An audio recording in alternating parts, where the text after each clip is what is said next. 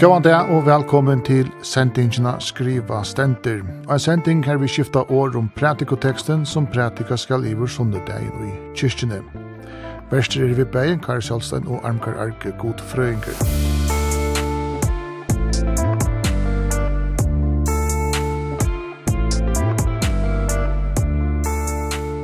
Og saman vi okkon har vi på i tvojmund gestun som har finnst til oppgave at av kvørsen hatt er lesa pratikoteksten, skifte år om teksten, tolkan og røyna setan inn i en utøymans høpe. Og de som er i vi og i utvarpstående og ideen er Lilian Veie, løktingskvinna, og Jonar Kletteg, løktingsstjore. Velkommen til Veie. Takk for det. Takk for det.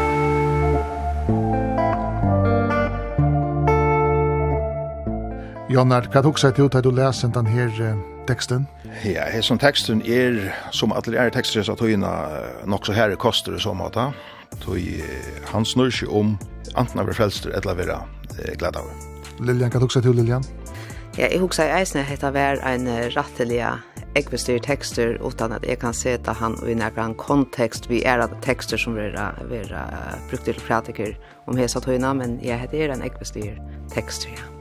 Og i det er vi så annars under det og i advent, teksten er ur Matteus evangelien, kapittel 25, ørende 8 til 13.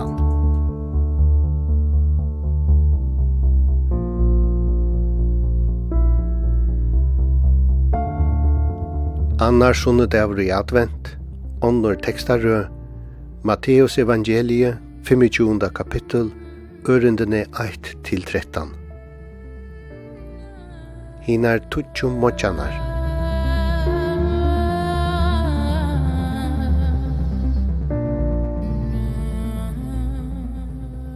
Ta skal himmelrujtje vera lukna vi tutju mochar som tog og skynar og for at møta brukkomnum. Men fem tarra våra åhiknar og fem hiknar.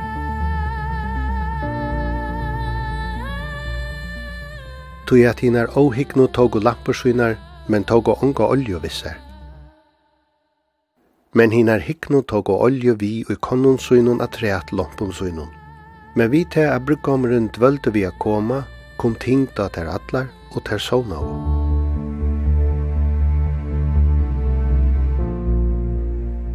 Men om midnatt kom raubui, sui, nu kjemur bruggommeren, færg ut at møte honom ta vakna og atlar dessa motjanar og fóra at gera lampur svinar til. Men hinar ohyckno sötte vi hinar hyckno, let jo kom få ei syndra av olju fra at ikon kom at lampur okkara slökna. Men hinar hyckno svära og, og sötte. Nei, ta fyrir för inte til tja okkon og tja tikkon vi. Färre tid heldur til tarra og selja og tjejpe tikkon kon. Medan her nu fóra av steg kjeipa kom brukkomren, og ter, og i bonarvåro fóra vi honom inn til Brytleps, og dittnar var latnar attor.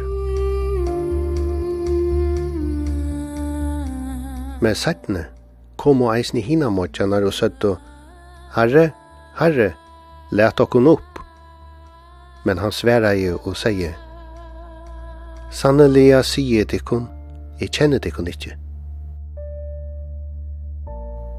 vætje tui, tui at tid vita kvørtje degin etla tuiman.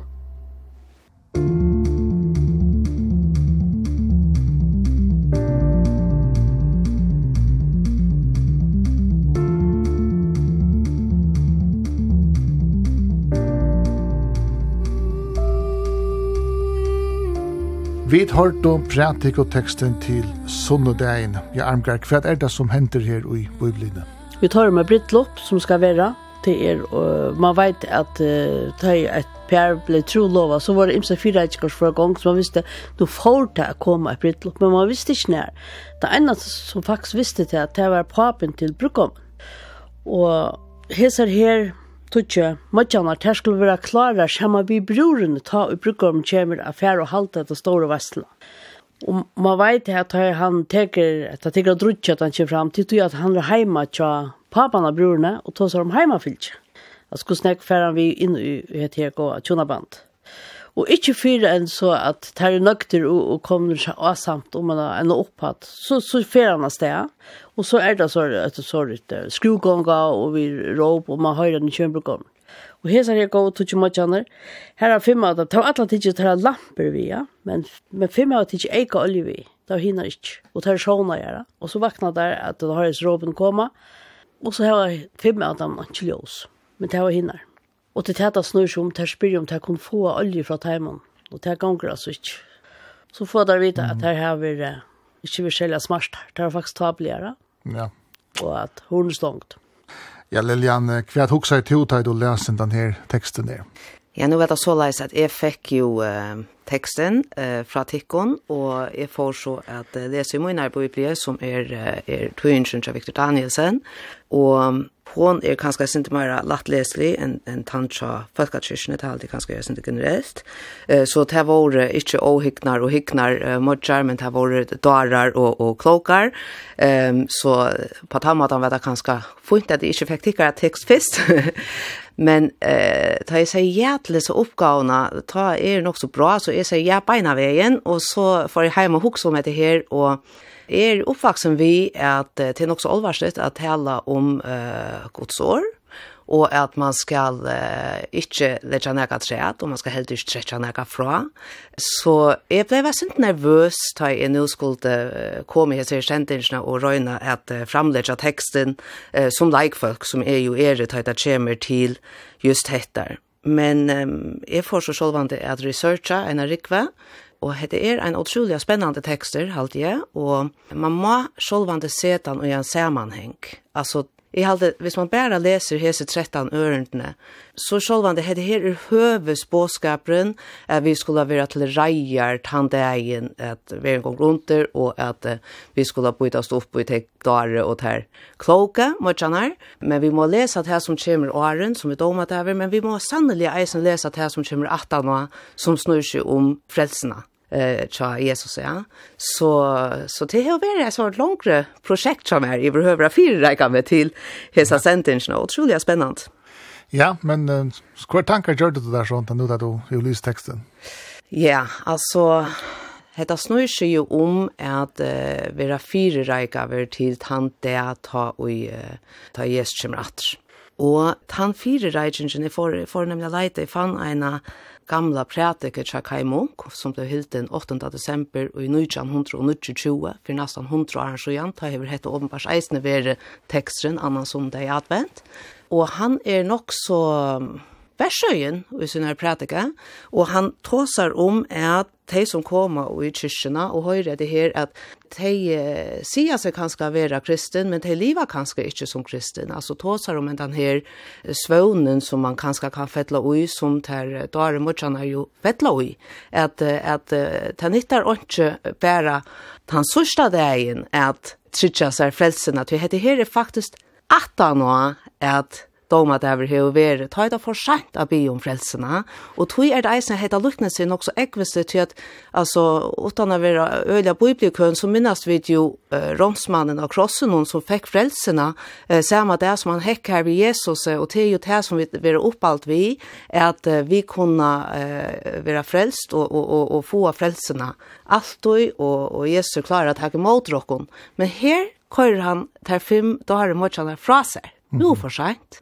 Så tog jeg alltid at dette, utan å kjenne så ræla vel resten av tog som stendur på, men jeg halte hette nok så ekvislet, men hette eisen tog jeg hette her er, altså man har haft en lenka firereitsingar tog, jeg gjør altså klaran til tandea, ta Jesus kommer atter, og har man ikke gjørst det ta, så er det for sent. Vi skulle standa til doms og hatt det tandevrenene. Ja. Jan Art, hva er det også til å ta til å lese denne teksten? Ja, det er synd det samme som Liljan hever inn i, ja. Det er sånn det myndet hele en samarbeidring vi et brittlopp, men som så skal lysa hessa støvna om tandegjen ta i ui, løyvi endar og om det så er det Jesus kommer etter, et eller annet vi sjálfur for herfra, og her vi eh, er livet vi tunna fyrreikning her og og ui, gjerra løyvnum. Han er avaverde tekster han er eh, ja, rettelig eh, Men han skal sjående lesast i samanhanske eh, vi til som er bare i om han og i Mattias 24 om et her at angen kjenner en og tøymann. Eh, og her er jo nevnt flere dømer om at to fever tvei og tvei folk saman, ta Jesus kommer atter, annar vil tidsen vi, og hinner etter, og så videre. Så tar alvar jo i hesson. Og så gjør man så jeg ser eh, samanbensjene vi heter Brittloppe, her man skal være byggvuntai og i løtan er Og så halte han hongra løytsen saman vi eisene, eh, vi åker omsida okra løyve i så måte. tog beint 18 hettar og i Matteus 25 fra 14 og frametter, eh, kjem så lukkens som eh, husbandan og, og huskallaner og talentene, som tar finket omsida, som eisene snur seg om neka av det samme. Og til er hettar at jo løyven skal være eh, til dreier, du skal mengna at boja, det er kanskje nok så lett at være tryggvande, vi skulle også de som levde av Jesardøven og opplevde han, de store underversene han gjør det, og, og til at de var vittne til da. Men tog jo en ganger, og flere lærersvenner jo, og der vant jo at han får komme etter helt kjøtt. Men som så han jo visste dere, så er det nok av dem som tar opplevde han, og de som er kommet etter, de er jo sånne i så eller så uges ned, medan de har bøyet. Så hette snur som har vært til reier, ikke fettel fått, og, og at livet i trunnet, til han dyren kommer. Så det er det vi, vi arver altså, du kjenner du kjenner ikke deg noe tøymann? Ja. Yeah.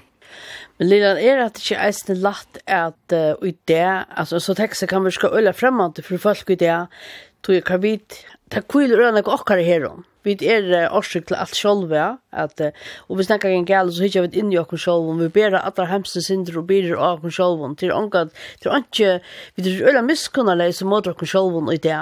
Kan man så lesa det inn i okker tog i det og sier, ja, men det er alt menneske skapt god, hva er det god, det god, hva er det stil, hva er det god, hva er det god, jeg vet ikke ordentlig, altså, jo sjølvante, altså, vi vet jo at vi lever i en uh, utrolig individualistiskere tog, og vanlig myndatella kanskje, men, men vi er ødel uh, vår herra i vår egna løyve uh, og, og, og forma og liva det så lai som vi ikke. Men det her er en anmenning om at det er noe større, og at, uh, at man faktisk kan eh, lägga hesa eh, biranar fra seg om man meknar at gjøre det som eh, stender i teksten og nemlig å være fire reikaver til tante man skal standa til doms. Så det kan eisne godt litja en utrolig stor trost og i tog sjolvande, sjolvt om at eh, vi enda noen av, av hessen lukknes så, så er det noen som vera vent i horene til at det er simpelthen ikke noe fire reikaver. Så ja, bæg og Og i halte, hvis man hikker etter uh, nutøyer uh, samfellene, det er jo eisende øke som er, selv om vi er så individualistisk, så lever vi vi domadags profetion iver okkon atla tøy og ta altså det er ikkje nega som er ser mest akkurat fyrir okkara tøy altså nu er det til krutsch i heimen hon det er ein veverlagskreppa som er gite til allar fakster det var seg fær om hvordan og legende kan vera. Ta eva smartjenta altså vi vi tvei fem år gamla brillon ta rattest er at rekskoer blir kota er nyer i Amazonas og får i behøver hava ist nok til tvei heimsins folk om nokre få år atomkrutsch och så videre. Så vi liva ødelig enn sånn domadags ötta alla tojina. Men filosofien säger till att det mest ussaliga och vanliga satir är ett oreflekterat liv. Är det inte är det texten i det som säger vi och människor reflekterar i vårt liv, grunda i vårt liv? Jo, det är det, det är det väl. Och ja, folk har ganska lindigt till att halta till kunna bestemma alt i livet noen nu, og kunne gjøre akkurat som det vilja. Men det er hos alt eit som och ikke er i här i vrenn for sin leie, og det er nær ideer om eller livet her endar. Ikke enn. Og det er det man skal være fyrrägar på på en eller annan nått. Eller ikke på en eller annan, så løsk. Man skal være fyrrägar på det. Ja, tog og vi vet at akkurat liv endar fyrir etla seitene, og Så er spurningen her, hei du så gjort upp i kjølvan hva du så vil til det du? Er du ta fyrrega til det som ta skal komme? Du nevnte det boja, altså at jeg vi boja og vi fyrrega, Det er ganske klassisk spurt hevur toja boja det? Og i omkroføren er det nødt til det, selv om det kanskje ikke ligger til mennesker i det at boja. Man vil helst bestemme alt, og alt skal hente her og nå, og helst i jar. Men det er nok ting som og ikke råa i. Og dette er så et av dem. Og er så samtidig til Lilian, at det er torfart å boja kjolt man ikke vet. Kjolt man vet kan man boja etter. Jeg halte at det er, jeg synes det tvoibukt til at eit er at, at vi vet at her hamstar kjålet, her renner kjotar og kjotar, og vi vera verant i utøy, og nu arbeider jeg et sted her, man kan skal gjerne vi sutja at, at man kjolver kjer mon til fyra årene man nu er her, men i tog søvelige perspektiv, så er min tog av løkting til et ene åre, hun fyrir ikke at, hun kommer jo ikke i søvebøknar iver fyrir historia så över det senaste hundra åren eller näka. Så det är näka vi att man ska läsa kunna se detta i en större kontext och att som ska avgöra kött och i kvar och så är det andra ting som männa speglar och som eisen skulle skötas alla tojina. Och det är alltid eisen vi sitter i dagsens samfälla. Alltså vi vet att här är att vi kunde häva tusen relationer. Jag har alltid 2500 viner eller 3000 viner av Facebook. Alltså det är en, en form för relation men det är en reallig fatak relation. Men så här vi är gibbre relationer relationer vi mina familj vi min man och vi mina närmaste familj och nej och folk och så vidare eh och det är ju några som ska götas så som ska ha varit toj och och och man ska eisne bruka eh toj och prata och relationen eh, bitch spärkeliga upp det är några som händer i rena vike eller även några snappa snapchat eller vad det nu måste vara det är några som händer i år Jag husar bara med det att du tar som att man boja men så Kyrkjan tar sig om att du bojar alltså du här är en ente och Jesus kommer åter och så vidare vi allt standard till dem så där. Men alltså det är nu som jag vill ärligt det gick inte snart här och och kom den alltså. Jag står för att hålla geisen uppe alltså. Vi är ni bojings, ne? Teatrikk vi er øyelig individuelt. Og dette er jo en spørning om, om trikk, altså hentan mynden her, om jeg sier her, modsjanar og, og lampene og oljene. Og i munne hoheim er angeniven til at, at mynden på lampene, ta til fyrir ut ved lampene jeg møter brukomnen, at det er til at det vil vise at det vil kjennes vi hentet om, som nå myndet til han, og på gjestan gymrator. Og oljan som så nekker at han mangler hjem, det er så troar løyvi og tantrikvon som han legger til at så leser lampan eisne kan brenna om 2000 år, og kanskje om 2000 år at Så det styrs ikke om alt det, ja, amgra, jeg også med det, for alt det, alt det, alt det geisen opp. Jo, men Janne sier det jo, Anne, det kan jo eisen være at han dør, at det er to dør, at det er hette snurrsjum. Det burde ikke være et enormt ragnarok vi tog oss om, också også. Det tog en per personlig oppreist, eller ikke. Så det er at alt det, det er vi boja, det er bare tallene som vi skal hava, det er ikke at, at, at, at, at, at, at, at, at, at, at, at, at, at, at, ja. Ja, jeg vet ikke om det er bare en spurning om tollene. Det er spurning om løyve, og et løyve så eller så uttrykk. Jeg tror vant at det er nækka hinne minna. Om det så kommer han dagen ta i og gjør en gonger under, eller at det kommer han dagen ta tutt løyve endar. Lyga så lyd som kjenner deg og tøyma fyrir nær, og Jesus kommer atter, lyga så lyd kjenner deg og tøyma fyrir nær, akkurat livet livet. Og så er det en sånn twister, da ofta når man hører denne teksten, det er at hvis vi drar på inn i Brittlof, så gleder dere øya nekla for Brittlof. Det er noe som er romantisk, det er noe nøyt, og det er noe vekkert, og, og så videre. At til så veldig ofte når det hever heft, hentet så over heft, er at noe som man bencher fyrir, og man atrar seg fyrir, noe og hun alt. Det er en skau måte å lese teksten på. Det er noe som du skal glede til.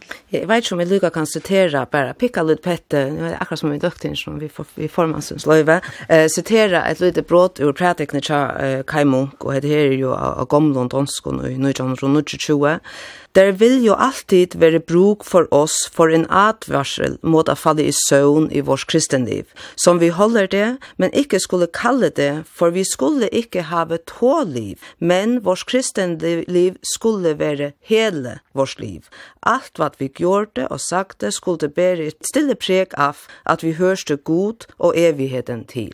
Og hatta halti er er, heter vi aboia, altså det er jo det kristna livet man lever, altså, altså man sier sitter jo ikke og, og, og hikker etter klokkene og bojar etter, etter domen, men man eh, tilåkner seg eh, til vire og, og til livsførsle som jo er eh, i bøyplinne, og røyner livet eh, etter tog, eh, tog at man tar veit, og det veit man jo hvis man leser bøyplinne, så fer man til evig frelsene. Mm. Alltså det är en underströmning att alla tøyene av tøyene som gänger som vi inte kan göra vi. Ja. Och, och, och han tøyen är helt inte så farlig. Alltså hon fer ju bara. Det, det är ju det tror jag det Ja.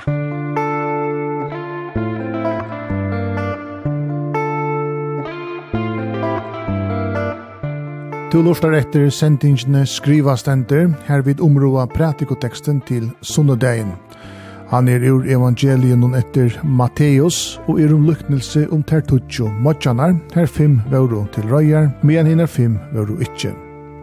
Kjentast årene ur lyknelse nun er jo helst, Vætje tøy, tøy til vita kvørste dagen, etla tøyman. Gjester er jo Lilja Veie og Jonnard Klettech.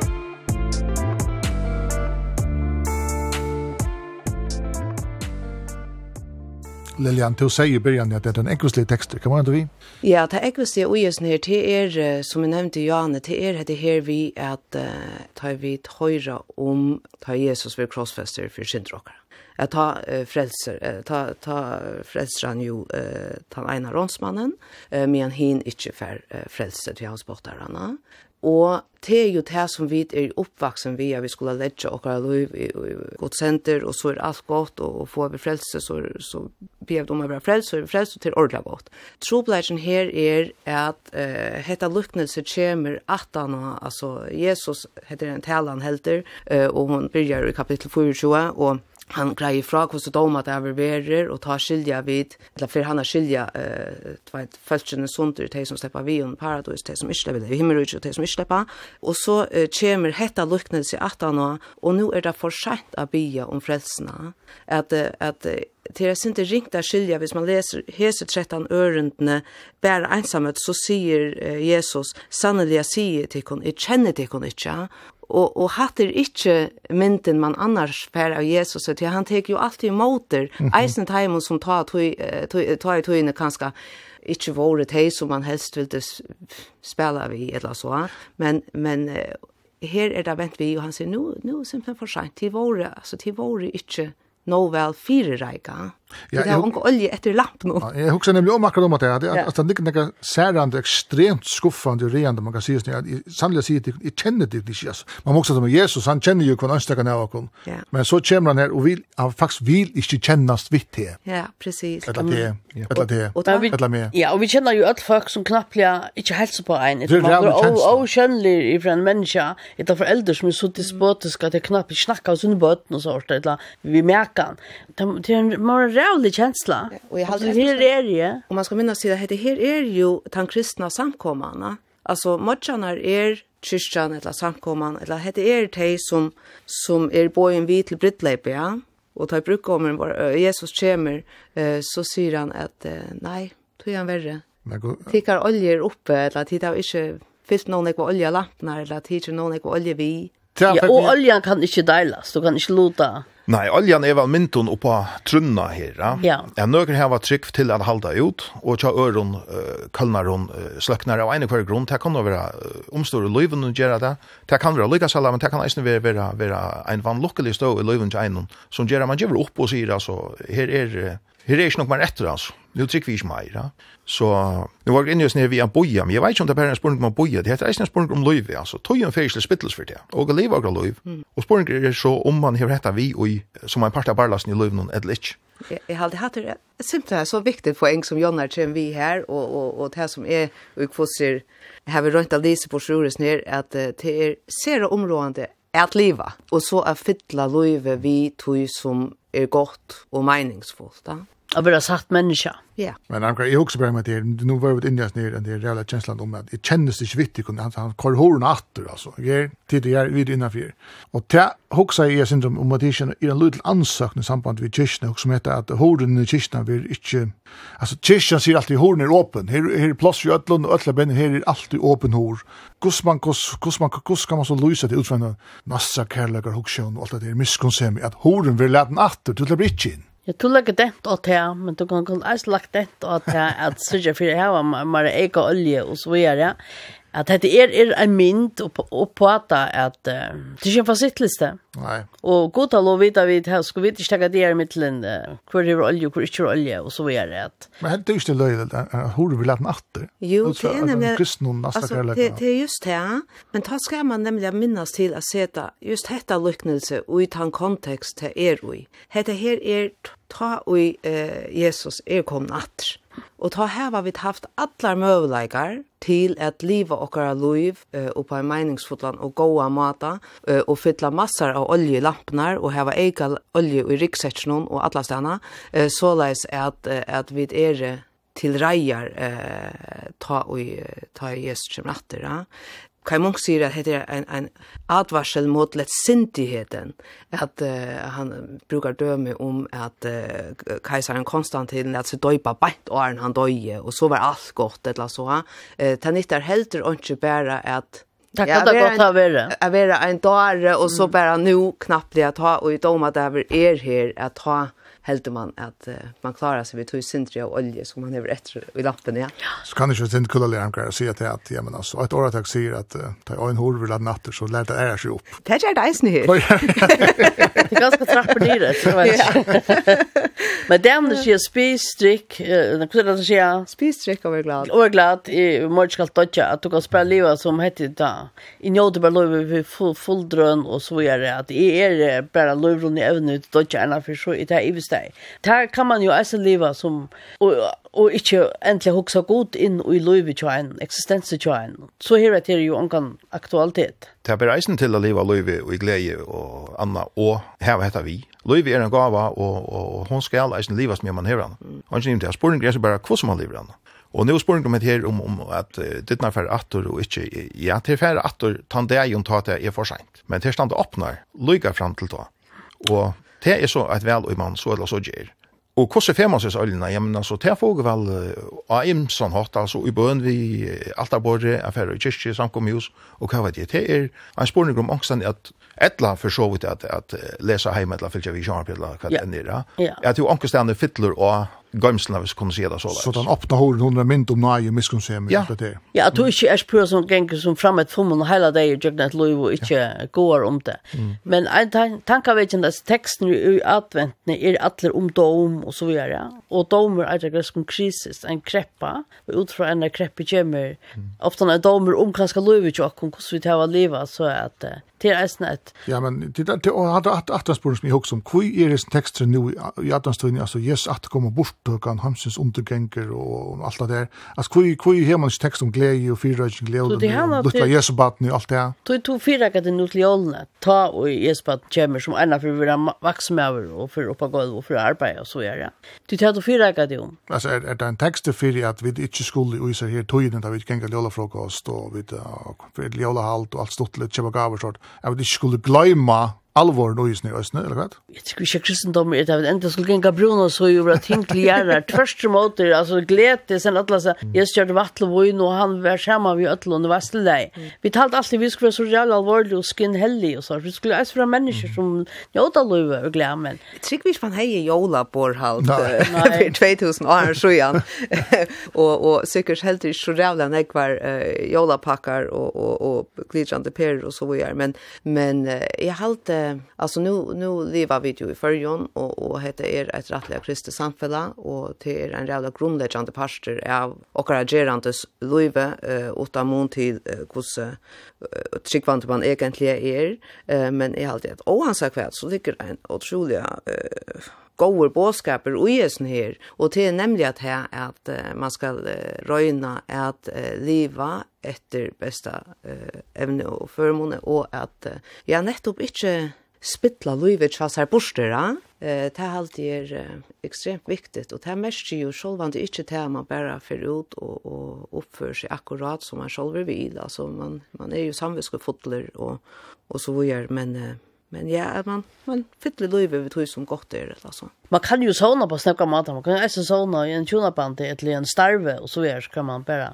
Ja, mm. det kan man sjåna til, og køra vi er så på, ja, ikke autopilot, eller hva man kallar det, ja. Og til nemlig en spørning om heter at leva løyve, og leva det angstendig ui kristendom, så eller så.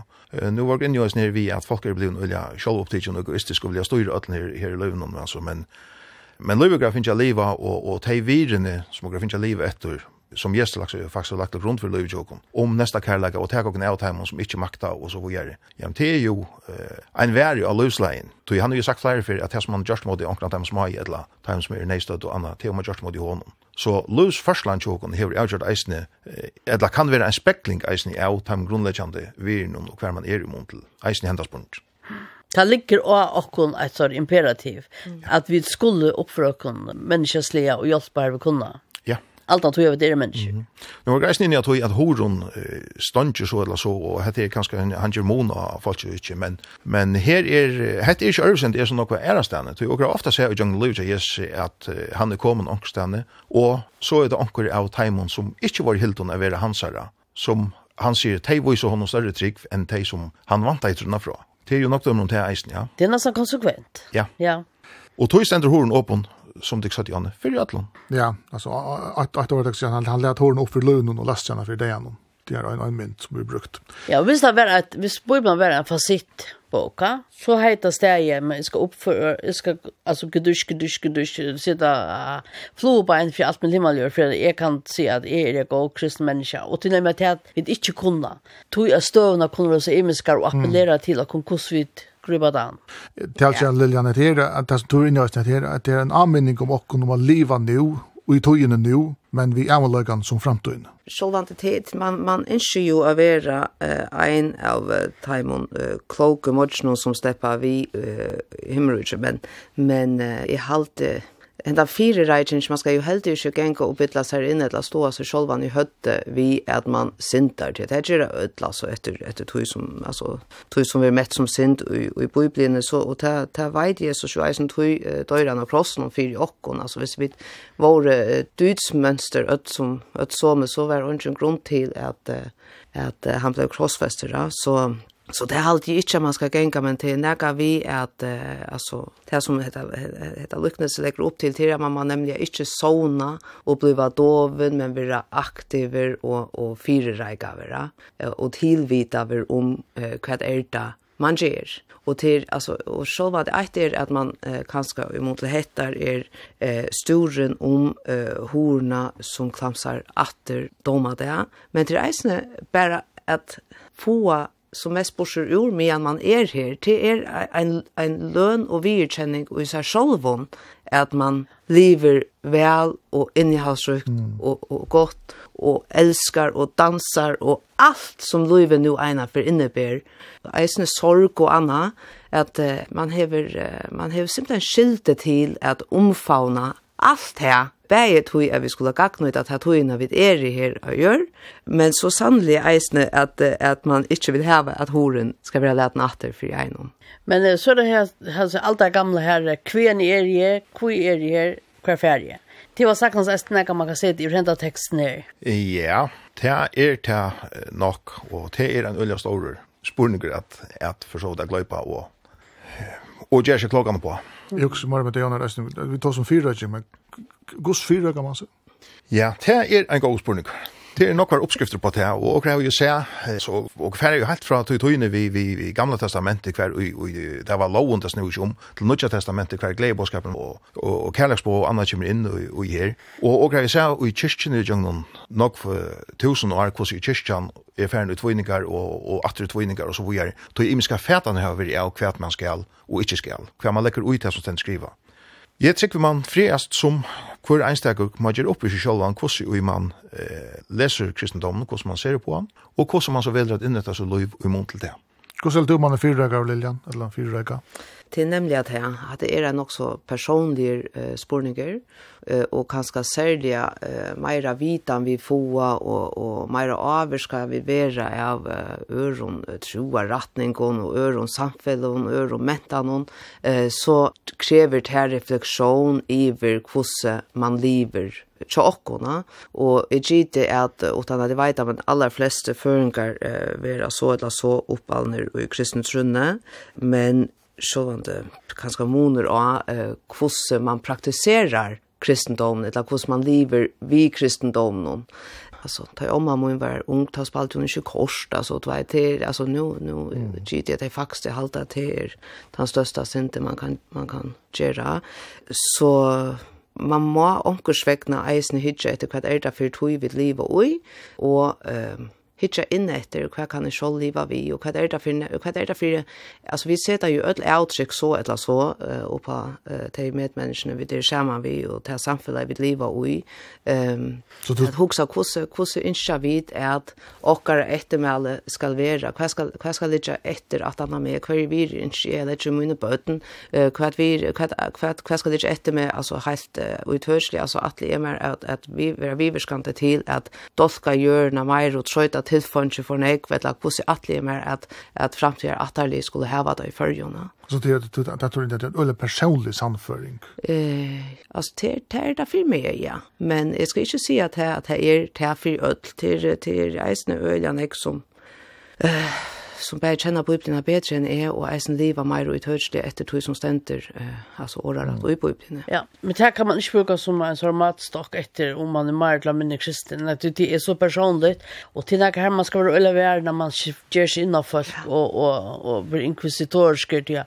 det kan jo også være at folk er litt skinnheldig til at de er bensk for, for meningen å kjøre. Ja, men for jeg sitere en, en, en kjent av praktikermann, jeg har billettene i ordet, Hur ska jag fyra kat Hur ska jag fyra gånger? Du bara röna gör det bästa du kan. Det är ändå gott.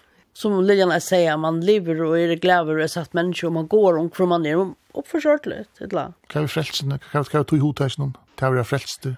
Ja, det er så roligt att öppna, så öppnas storen, hva sagt hans. Men hvis du tänker bara så samfället jag kunde det av det som sint av hodet, hva var sint synd kanskje som det nevner om oss, som ikke spiller kors. Du det er det sint av hvis du etter for noen kalorier och du får inga samvittighet hvis du etter en buff som er 300 gram et med Altså, sint av hodet er ikke at du sint av mot nattörne og du får ikke vel om.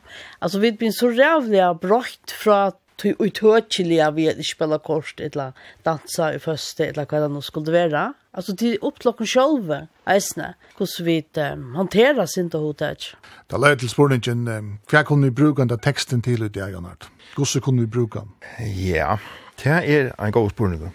Han er sånn til mynden og på at her ta og alt ena for endar, og, og, og det er så eller så, eh, man skal ha tidlig stå til hver, hver man ikke, og så vi er i sin liv, hvordan man livet er fremme etter.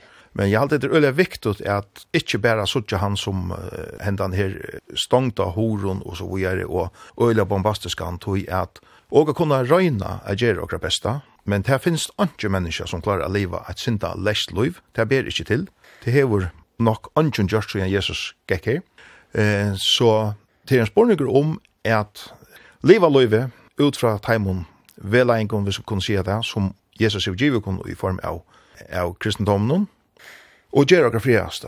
Ongen være frelstur av egnon gjeron og hva han har gjørst. Det er av nøye egnon. Så åker kunne som Lilian som er nøye i Anne, at det er friast og klare. Hva er det vi kunne bruke teksten til det, Lilian? Ja, jeg kunne fokusere på å vente at du leser her billettene. Mm. Uh, Alltså ett är att uh, alltså nummer ett så är det en som man ska stanna till dom sig och fyra. Det är inte när man själver out. Alltså his har tutsch mycket annat här var alla pastor av samkomna. Här helt nog alla att här hade biljetten och gjort. Men att eh till inte trickvin alena men eisne journeyingar eh, som man har gjort alltså nämligen att man har fyllt sig eh oljelamporna och man har eko olja vi och så vidare ja annars ska det kanske synter nevnt lika annat eller så. Ehm um, ja, nu glömde ju spåren men jag halte till till till til synter till synder, til farligt att att gænga runt och halte att att biljetten är kjepp och reva lomman och så höra vi bara hetta. Det alltså du kan inte chepa det hemma hemmelrutsen vi alltså kvars vi uppförs eller gjerning om, se i nagen. Ja, alltså det må det jo være, altså, til, til, til er eisen av okkara håndtona. Mm, men hva, hva, hva, hva, hva kunne folk bruke teksten til i det? Hvordan skulle, hvordan skulle vi sette inn i en dagsens kontekst? Ja, dagsens kontekst, og til her, altså, ja, jeg halte man skal anse sin rett til det, det er sjølvande, det er jo en 2000 år gammel tekster nærmest, da. Så hva skal man gjøre? Jeg halte at uh, det er utrolig viktig at man alle tøyne hokser om at eh, man själv inte vill leva bara vi kjenner bare det inn i det og allt det här. Men är man alla tøyna tjötar. Att man inte eh, bara häster eller vad man kan säga. Alltså man kan inte bara leva uh, utan att visa hänsyn till sina omgivelser, eller sina familjer, sina vänner och samhället annars till till väg oklökt och farligt och allt möjligt. Så man nöjer sig att röjna att uh, lägga Nega gott ett så här. Okej, kan du bruka tekst til det? Ja, etter du kan sliva vid personen som norme, og til er finnelseslev så teker til väl, men hvis du teker så tror det at det er god skapt det hela och att du bare er et menneske som er en förskall. Da du dårs kommer vi gjøre, så vet du eisen at du trykker hånden, du kjører noe øttes hvis du røyner i rommet, et førmåne, og du vet at det enda godt, du, du slipper til brittloppet. Hadde vært søgnast i årene i sendingen der, Lilian Veie og Jonar Kletters. Takk for at dere kom i utårsnålen sammen med Jakob. Sjålve takk. Sjålve takk.